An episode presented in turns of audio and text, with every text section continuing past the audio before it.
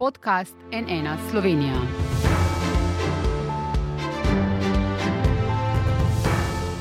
Dober dan, to je NN studio. Čeprav pričakovanja niso bila zares velika, pa je bilo dogajanje na Evropskem svetu minuli četrtek in petek hladen tuž za Bosno in Hercegovino, ki kljub prizadevanjem nekaterih držav članic, tudi Slovenije, ni dobila statusa kandidatke za članstvo v Evropski uniji. Ukrajina in Moldavija sta ga. Zakaj? Kako bo to tema dvema državama pomagalo in kako bo vplivalo na razpoloženje na Zahodnem Balkanu, kjer upanje na evropsko prihodnost z vsakim srečanjem evropskih voditeljev počasi ugaša? O tem z dvema evropskima poslancema v studiu je z nami Matjaš Nemec, socialni demokrati, poslanec SND. Dobr dan, dobrodošli. Dobar dan. V Beogradu pa je z nami uh, za zdaj še LMŠ, poslanec Renew Europe, Klemen Grošelj. Dobr dan tudi vam. Ja, lepo zdrav iz Beograda. Zdaj, gospod Nemec, začela bova midva. Videli smo dolge nosove, tudi jezo voditeljev držav eh, Zahodnega Balkana. Razočaranje je bilo očitno vendarle veliko. Zakaj je bila slovenska inicijativa glede članstva Bosne in Hercegovine neuspešna? Gotovo drži podatek, da je razočaranje veliko. Tisto, kar je v danih okoliščinah edino pozitivno dejstvo, je to, da se je Republika Slovenija, začenši s predsednikom republike, predsednikom vlade, zunanjo ministrico in evropskimi poslanci poenotila v pobudi, kar v preteklosti ni bila ravno navada. Naša odgovornost je kot prva eh, država, ki je vstopila v družino evropskih držav, eh, da pomagamo vsem državam iz nekdanje Jugoslavije, da, ponudi, da jim ponudimo evropsko perspektivo.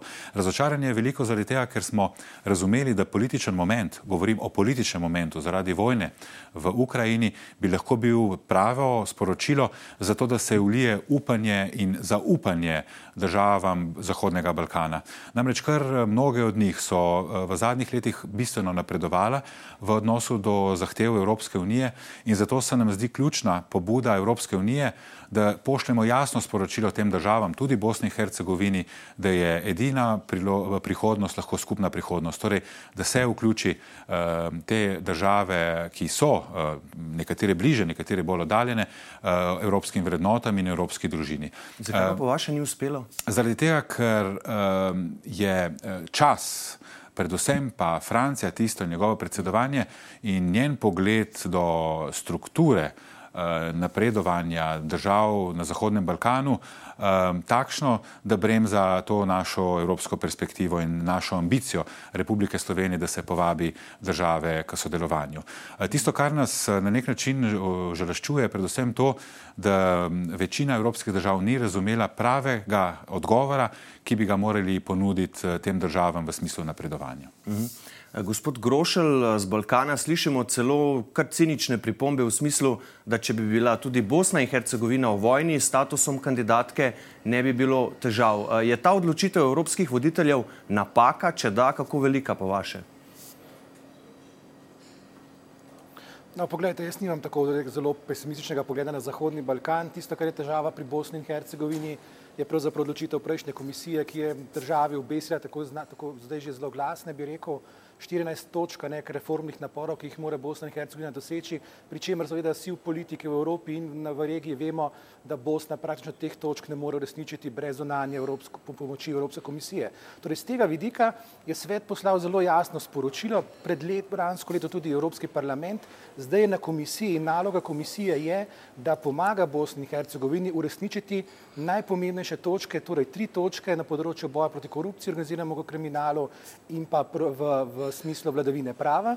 In tukaj, tukaj je dobila zdaj komisija naloga, da Bosni in Hercegovini dejansko pomaga. Torej, jaz ne bi rekel, da je to sporočilo tako zelo slabo. Praktično Bosna in Hercegovina leto dni nazaj ni bila na nobenem radarju, danes je Bosna in Hercegovina in celotni Zahodni Balkan v samem fokusu dogajanja v Evropski uniji. Sveda, tukaj treba dovedati tudi nekaj stvari kritičnih glede samega Zahodnega Balkana. Zgodbe Zahodnega Balkana so zelo različne. Tu imamo Črnogoro, ki postaja ponovno favoritka v tem procesu.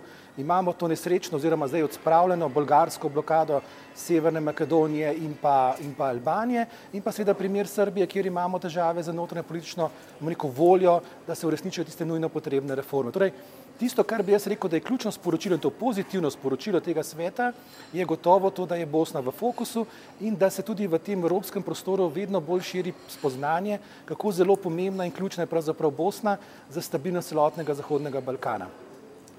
Kot ste rekli, gospod Grošelj, ne, Bosna in Hercegovina mora zdaj pač pokazati nek napredek in uh, pri tem ji bo pomagala Evropska komisija. Šele potem bodo v Bruslju ponovno uh, razmislili o podelitvi statusa kandidatke. Ampak kako realen je ta napredek po vaše v tem letu in kaj morajo v resnici storiti? Ja, pogledajte, Bosna in Hercegovina ima nekaj političnih dejstev. Prvo politično dejstvo je, da imamo oktobra oziroma v jeseni imamo uh, volitve. Torej, tisto, tisti, ki spremljajo zadeve v Bosni, vemo, da so tukaj hude napetosti, predvsem tukaj politika Dodika, ki grozi z, z odcepitvijo Republike Srpske in pa tudi politika Dragana Čoviča kot vodjo hrvaškega HDZ-ja v sami Bosni in Hercegovini povzroča notranje politične napa, na, napetosti in blokade. Mi moramo vedeti, da je Bosna in Hercegovina bila praktično država dve leti brez državnega proračuna, kar je bila posledica različnih blokad na ravni federacije in pa tudi na ravni države kot celote. Torej, v tem pogledu je ta pritisk in ta pripravljenost sveta, da se ukvarja z Bosno in Hercegovino, zelo jasno sporočilo. Ne moremo mimo dejstva, da je recimo Dodik in tudi nekateri drugi predstavniki, politični predstavniki v Bosni in Hercegovini so že na spisku sankcij Združenih držav Amerike. Torej, dogajanje v Bosni ni tako, bom rekel, monotono, enoznačno in v tem pogledu jaz mislim, da je to bilo pomembno sporočilo. Seveda zdaj pa na Bosni pa je, da prvič, in tisto je izredno pomembno, ne, mi ne smemo pozabiti, če volitev oktobra ne bo, je vprašanje, kako stabilna bo Bosna še potem. Torej, prva naloga za Evropske unije je, in tukaj smo relativno uspešni, in z Šulcem oziroma z predvisokim predstavnikom mednarodne skupnosti v Bosni in Hercegovini se izvajajo ukrepi, so pritiski, ki peljejo v smeri izvedbe volitev. Ker, če pogledate nekaj mesecev nazaj, Dragan Čovič je odkrito grozil za blokado volitev v Bosni in Hercegovini. Torej, tu se dogajajo spremembe, seveda potem, po volitvah pa je tu seveda tukaj zdaj ta velika, veliki reformni paket, na eni na strani ustavne spremembe, ureditev volilne zakonodaje skladno z odločitvijo Evropskega sodišča za človekove pravice in potem teh 14 reformnih točk, ki so pred Bosno in Hercegovino in seveda znotraj teh 14 točk je svet zelo jasno povedal, da pričakuje napredek na ključnih teh področjih. In pa seveda treba tudi se zavedati, da komisija že zdaj pripravlja nabor novih politik, tudi na področju vladavine prava. Torej, fokus na Zahodni Balkan se spreminja, priložnosti se ustvarjajo. Jaz samo upam in si želim, da bodo politične sile v Bosni in Hercegovini in celotni regiji razumele trenutek zgodovinski, ki jim je na voljo, da bodo te reforme tudi izvedli. Bo pa seveda to zahtevno in težko. Uh, boste, gospod Nemec, oziroma kako boste evropski poslanci pri tem pomagali, kaj v resnici uh, sploh lahko storite? Vi ste že omenili Francijo, ampak ni edina s pomisleki od pomembnih držav članic, tu je Nemčija, tu je Nizozemska, ne, na eni strani, na drugi strani pa, glede na to, kar smo slišali ravno kar od gospoda Grošlja, ne, politične razmere v Bosni in Hercegovini so napete, močno napete, delovanje države je ohromljeno, separatisti, konkretno Milorad Dodik, pač še vedno grozi z odcepitvijo Republike Srpske, torej kaj sploh lahko uh, v bistvu se, se stori? Tako kot je bilo rečeno, pogled na Zahodni Balkan se spremenja zaradi različnih kriz, skozi katere je šla Evropska unija, začenši z grško krizo, finančno krizo, begunsko krizo, COVID krizo, danes pa varnostno krizo, je ponovno Zahodni Balkan postavljen na zemljevid. In to je dejstvo. Tisto, kar gotovo je, gre pozdraviti, je, da je Slovenija tista, ki dejansko odpira oči zahodnim uh, prijateljem, tako kot je bilo moč razumeti tudi za izjavo so strani um, hrvaškega predsednika predsednika Milanoviča, da Hrvaška tukaj nekako ne drži, ne drži tempa um, Republike Slovenije v smislu odpiranja vrat ostalim uh, državam iz Zahodnega Balkana. Pomembno je, da se je geopolitična in strateško uh, položaj uh, globalno gledano bistveno spremenil za uh, vojno v Ukrajini. Iz tega izhaja ta momentum, kot mu radi rečemo, to izjemna priložnost. Dejstvo je, moramo reči, da ni nobena od Eh, od članic v državah, o katerih smo govorili, o katerih govorimo, eh, v normalnih okoliščinah ne bi eh, izpolnjevala pogojev za to, da bi bila povabljena na začetek pogajanj. Dejstvo je, da ostaja odprto varnostno vprašanje, ki se nas dotika neposredno. Govorimo o državi, ki je 300-350 km oddaljena od Republike Slovenije, govorimo o državi, ki, katere se bo v roku enega leta naj, najkasneje selila južna meja Schengena. Hrvaška Hrvaška bo najverjetneje v roku enega leta odgovorna za to, da bo ohranjala red in uh, varnost na južnem delu svoje domovine z uveljavitev Schengna.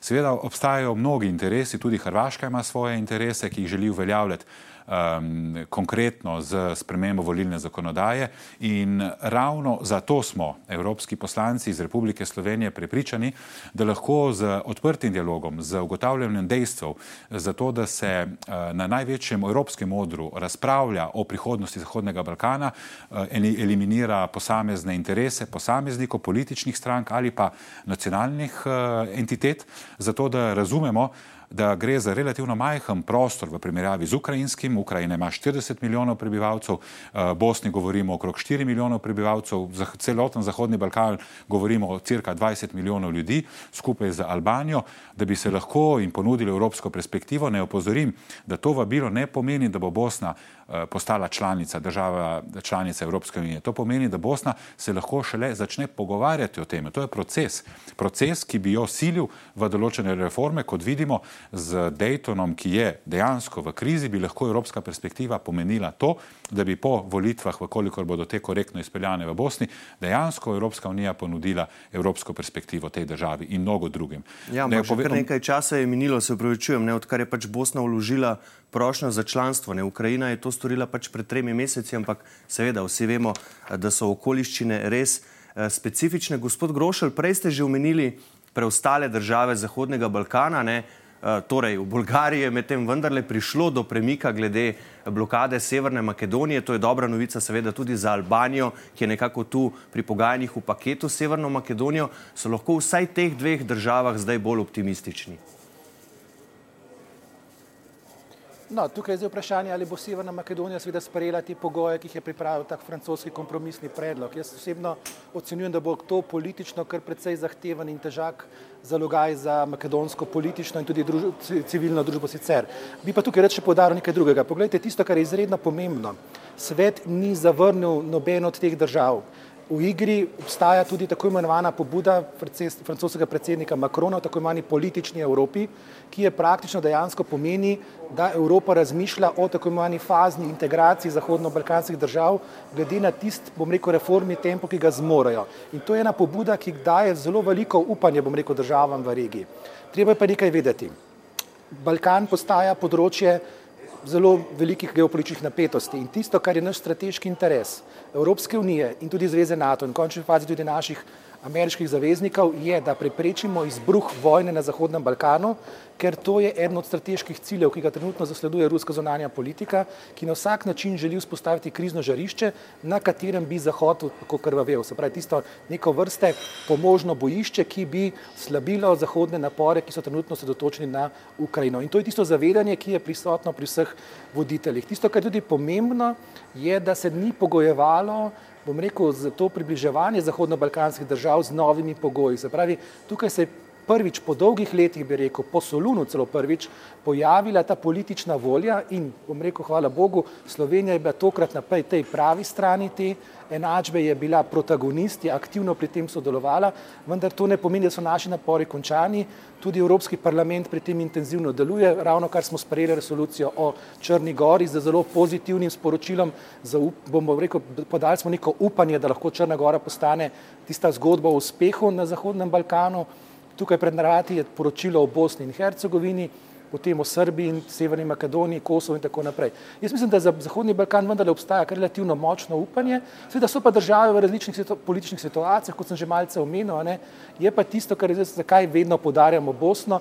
Bosno je ključ pravzaprav miru na Zahodnem Balkanu, to vedo vsi globalni igravci, veste, da trenutno so tudi napetosti med Grčijo in Turčjo. Mislim, tisto, kar je ključno, je seveda stabilizacija Zahodnega Balkana, in pa ta evropska perspektiva, ki bo morda za Zahodni Balkan malce drugačna, kot pa so bili tega vajeni v procesu širitve v preteklosti, ko so imeli te velike širitve, katere del je pa tudi Slovenija. Mhm. Gospod Nemec, seveda vsi odločno in močno podpiramo korake, ki bi lahko Ukrajini sredi vojne vihre pomagali, absolutno tu ni nobenega dvoma, ampak kako ji bo po vaše pomagal ta status kandidatke za članstvo konkretno? Um, tukaj gre za finančno pomoč. Vsaka država, ki vstopi v ta proces, je deležna, bom rekel, neke drugačne obravnave in pozornosti. Um, tako da ne samo Ukrajini, tudi Moldavija in potencialno nekoč Gruzija, ki so nekje tiste mm -hmm. sfera interesna tudi, uh, bom rekel, Ruske federacije, da se jim s tem onemogoči, bom rekel, kakorkoli špekulirati o njihovi prihodnosti. Jasno bi bilo, kakšna je njihova perspektiva in s tem je jasna so tudi pravila igre. Vse, kar bi bilo odmik od tega, bi bilo lahko razumljeno kot neprijateljska politika. Tisto, kar mogoče bi podaril v ob koncu, je to, da tudi ta proces približevanja, predvsem Severne Makedonije, govorimo o državi, ki je bila pripravljena spremeniti lastno ime, zato da je uh, dejansko dobila perspektivo, kar se še nikdar v zgodovini ni zgodilo. Govorimo o državi, ki je lahko ob Albaniji vzor, seveda ob Črni Gori tudi, uh, kako se dejansko približujemo v tem procesu Evropske unije. Bi nekoliko sem zadržan do tega, Eh, dogovora, ki se ravno kar v teh, v teh urah odvija v Sofiji. Po moji oceni bo ta dogovor gotovo v škodo v Makedoniji in vse je odvisno od Makedonije, kako bo lahko interpretirala uh, ta potencijalni dogovor. Zakaj to omenjam? Zaradi tega, ker je bilo rečeno, da sta Albanija in Makedonija obravnavane v paketu. Lahko bi se posledično, in o tem namigi so že, zgodilo, da bo Albanija odstopila iz tega paketa in bo želela individualno obravnavo. Um, predvsem pa uh, v primeru Makedonije gre za neko izsiljevanje se strani Bolgarije zaradi notranjih, eh, bom rekel, politik, ehm, se je ustvarilo umetno, bom rekel, neke ovire pri preprečevanju Makedonije, da bi vstopila v Evropsko unijo. Torej, ehm, zato je zelo pomembno, da ima nad eh, patronaž, da ima, bom rekel, roke nad celotnim procesom Evropska komisija in Evropska unija kot takšna, zaradi tega, da bi se uh, kljub intendencam Francije, da se v pogajanja vnesejo, bom rekel, bilateralne možnosti reševanja sporov, uh, omogočilo Um, bom rekel, perspektivo. Tisto pa, kar za razliko od kolega Grošlja mene skrbi, je uh, to, da smo se 15 let izogibali Evropi različnih hitrosti, In ravno to je to, kar se skriva v Makronovem predlogu. Torej bomo imeli v čakalnici, mogoče za nedoločen čas, nekatere države, ki lahko ne bodo nikdar stopile v polnopravno članstvo, eh, kar je v nasprotju s tistem, kar smo se borili zadnjih 10-15 let. Torej, v preteklosti so bila pravila jasna, eh, dogaja se nam pa ravno to, da bi lahko, če bi ta pobuda eh, zaživela, dobili v roku 10-15 let različne kroge, če smem tako reči, Um, uh, političnih uh, uh, centrov in različnih, torej Evropo, različnih hitrosti, kar pa ni v skladu z idejo Evropske unije. Gospod Grošelj, vaš pogled na to, kar pravi vaš kolega Nemec, torej na Evropo dveh hitrosti, seveda samo da še vprašam, boste dobili priložnost, torej, kar pravi, glede Evrope dveh hitrosti in tudi v bistvu za vas enako vprašanje, kako bo v Ukrajini eh, ta status kandidatke za članstvo zdaj v tej konkretni situaciji sredi vojne vihre lahko pomagal, morda vplival na varnostno situacijo tam. Ja, bom začel najprej z Zahodnim Balkanom. Poglejte, ideja več, Evrope več hitrosti se je začela z Žakom Delorem v 90-ih prejšnjega stoletja na nek način bom celo rekel, je Evropa več hitrosti praktično dejstvo. Ne.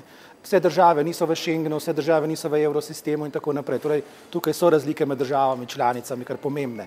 Tisto, kar je ni treba narobe razumeti francosko pobudo, je predvsem to, da francoska pobuda, kot jo jaz razumem in kot, sem, kot, bila, kot mi je bila predstavljena, predvideva, da države na tistih področjih, kjer so dobre, kjer lahko znotraj teh klasterjev v, v predpristopni metodologiji dosegajo cilje za polno integracijo, se integrirajo v Evropsko unijo. To pomeni, da ni 15-letnega splošnega zastoja, ampak se na področjih, kjer so države kandidatke uspešne, lahko zgodi polna integracija. In to mislim, da je korak naprej. Govorimo o državah kandidatkah za članstvo. In jaz mislim, da ta instrument potrebujemo tudi v luči dogajanja v Ukrajini, v luči dogajanja v celotnem v vzhodnem partnerstvu. In torej treba tudi zadevo malce širše. Ne?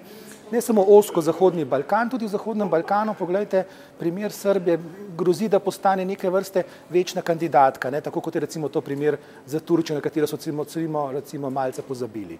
Zdaj, kar se tiče Ukrajine, tukaj gre predvsem za politično gesto, v dveh, dveh državah, se pravi in Moldavija in Ukrajina. Zdaj, Ukrajina je že sedaj deležna ogromne vojaške in finančne in tudi siceršne materialne pomoči. Pred nami je zopet odločitev o dodatni finančni pomoči v višini 9,4 milijarde. Zelo odkrito povedano, malce zbolj, mogoče celo, celo surovo z moje strani, brez evropskega denarja bi Ukrajina v tej vojni že bankrotirala. O vojaški pomoči, ki je sicer omejena, pa vendarle je pomembna, Tukaj tudi Evropska unija odigrala izredno pomembno vlogo s tako imenovanim tem EDF-om, European Defense pro, pro, program, se pravi z tem uh, instrumentom. Praktično so ta inst, instrument države članice že izpraznile, začeti bo potrebno pogovore o novem instrumentu, posebej namenjemu za Ukrajino in to je tudi to, tisto, kar se skriva v ozadju tega. Ne. Zakaj? In tukaj vidimo, države so v različnih položaju in pa to še to mogoče podariti treba gledalkam in gledalcem, pred nami so bo zelo težko vroče poletje, ne samo zaradi vročinskih valov. Jaz nekako ocenjujem tudi moji kolege v Evropskem parlamentu, koliko sem se pogovarjal z njimi, da bo avgust, julij, avgust, da boste izredno odločilna meseca v Ukrajini. Tu se bo odločila usoda praktično ne samo Ukrajine, ampak tudi bi rekel se tu potrditi Evropskega miru. Tako da tukaj so pred nami veliki izzivi in tukaj bo morala Evropska unija pokazati veliko stopno te prožnosti in jaz mislim, da ta francoska pobuda nakazuje. Ni še rečeno, kako bo se to na koncu realiziralo, ampak mislim, da če damo državam kandidatkam, ki na določenih področjih so gospodarsko, recimo na področju gospodarstva, dobre, se lahko integrirajo recimo v skupni evropski trg, to jih lahko na ta trg spustimo. Ne, da čakamo na najbolj zahtevna poglavja, ki so običajno vezana na vladavino prava in so potem v nekem tem v, nekem, eh, v nekih eh, vicah in ne članstva, ne, ne članstva. Jaz mislim, da to urodje je dobro, je pa seveda tukaj še na drugo vprašanje. Ne? Ta evropski, francoski predlog seveda se veže tudi na notranjo reformo Evropske unije, ne? se pravi odločanje eh, z kvalificirano večino, odločanje na področju skupne obramne in varnostne politike. Torej, teh izzivov pred Evropsko unijo je kar veliko, tako da ne glejmo posamezne slike. Jaz upam, da slovenska diplomacija, slovenska politika tudi sicer ne bo gledala teh oskih, ampak bo gledala celovito to zgo sliko in da bomo tukaj odigrali tisto pomembno proaktivno vlogo nekega advokata in zagovornika Zahodnega Balkana, pri čemer pa moram podariti, da si želim, da bo ta politika izredno zahtevna, predvsem na področju varovanja eh, demokracije in pa spoštovanja vladavine prava, ker smo tudi sami to v preteklih dveh letih izkusili, kako zelo pomembno je to za razvoj naše države in družbe. Čaka nas torej eh, dolgo vroče poletje. Gospod Grošelj, za konec. Prav danes eh, vladajoča stranka Gibanje Svoboda na kongresu odloča o pripojitvi strank SAP in tudi LMŠ, eh, na listi katere ste bili vi izvoljeni v Evropski parlament, zato sem vas na začetku tudi tako uvedel. Seveda boste še naprej poslanec Renew Europe, Ali boste predstavljali tudi stališča Gibanja Svoboda po novem? Glede na logiko združevanja in glede na celoten koncept združevanja, predvidevam, da bom z današnjim dnem postal član Gibanja Svoboda in da bom s tem zagovarjal stališča, ki sem jih že, zdaj, že, že, že sedaj zelo odločno zagovarjal. To so predvsem liberalna stališča. Jaz po srcu sem liberalec, po razumu včasih mogoče malce čustven liberalec, ampak vendarle mislim, da ostajam predvsem liberalec. In uh, enako bo verjetno tudi z vašo kolegico poslansko izvoljena na listi LMŠ Irino Jovevo. Predvidevam, da vendar bi tukaj vendarle to prepustil, da sama sporočim in pove svojo odločitev. -huh. Težko govorimo o imenu drugih kolegov oziroma kolegice. Dobro, bomo seveda posebej preverili. Uh, najlepša hvala, spoštovana gosta, za vajno gostovanje danes vam, gospod Klemen Grošelj, lepo zdrav v Beograd. Hvala lepa, tudi vam pozdrav v Slovenijo. Hvala pa tudi vam, gospod Matjaš Nemec, za gostovanje v studiu. Hvala za povabilo. In seveda za konec hvala tudi za vašo pozornost. Spremljajte nas še naprej na nnainfo.si, tam boste našli vse zadnje informacije v zvezi z napredovanjem držav Zahodnega Balkana v zvezi s procesom vstopanja v Evropsko unijo. Iz studija pa za danes le še lepo zdrav in nasvidenje.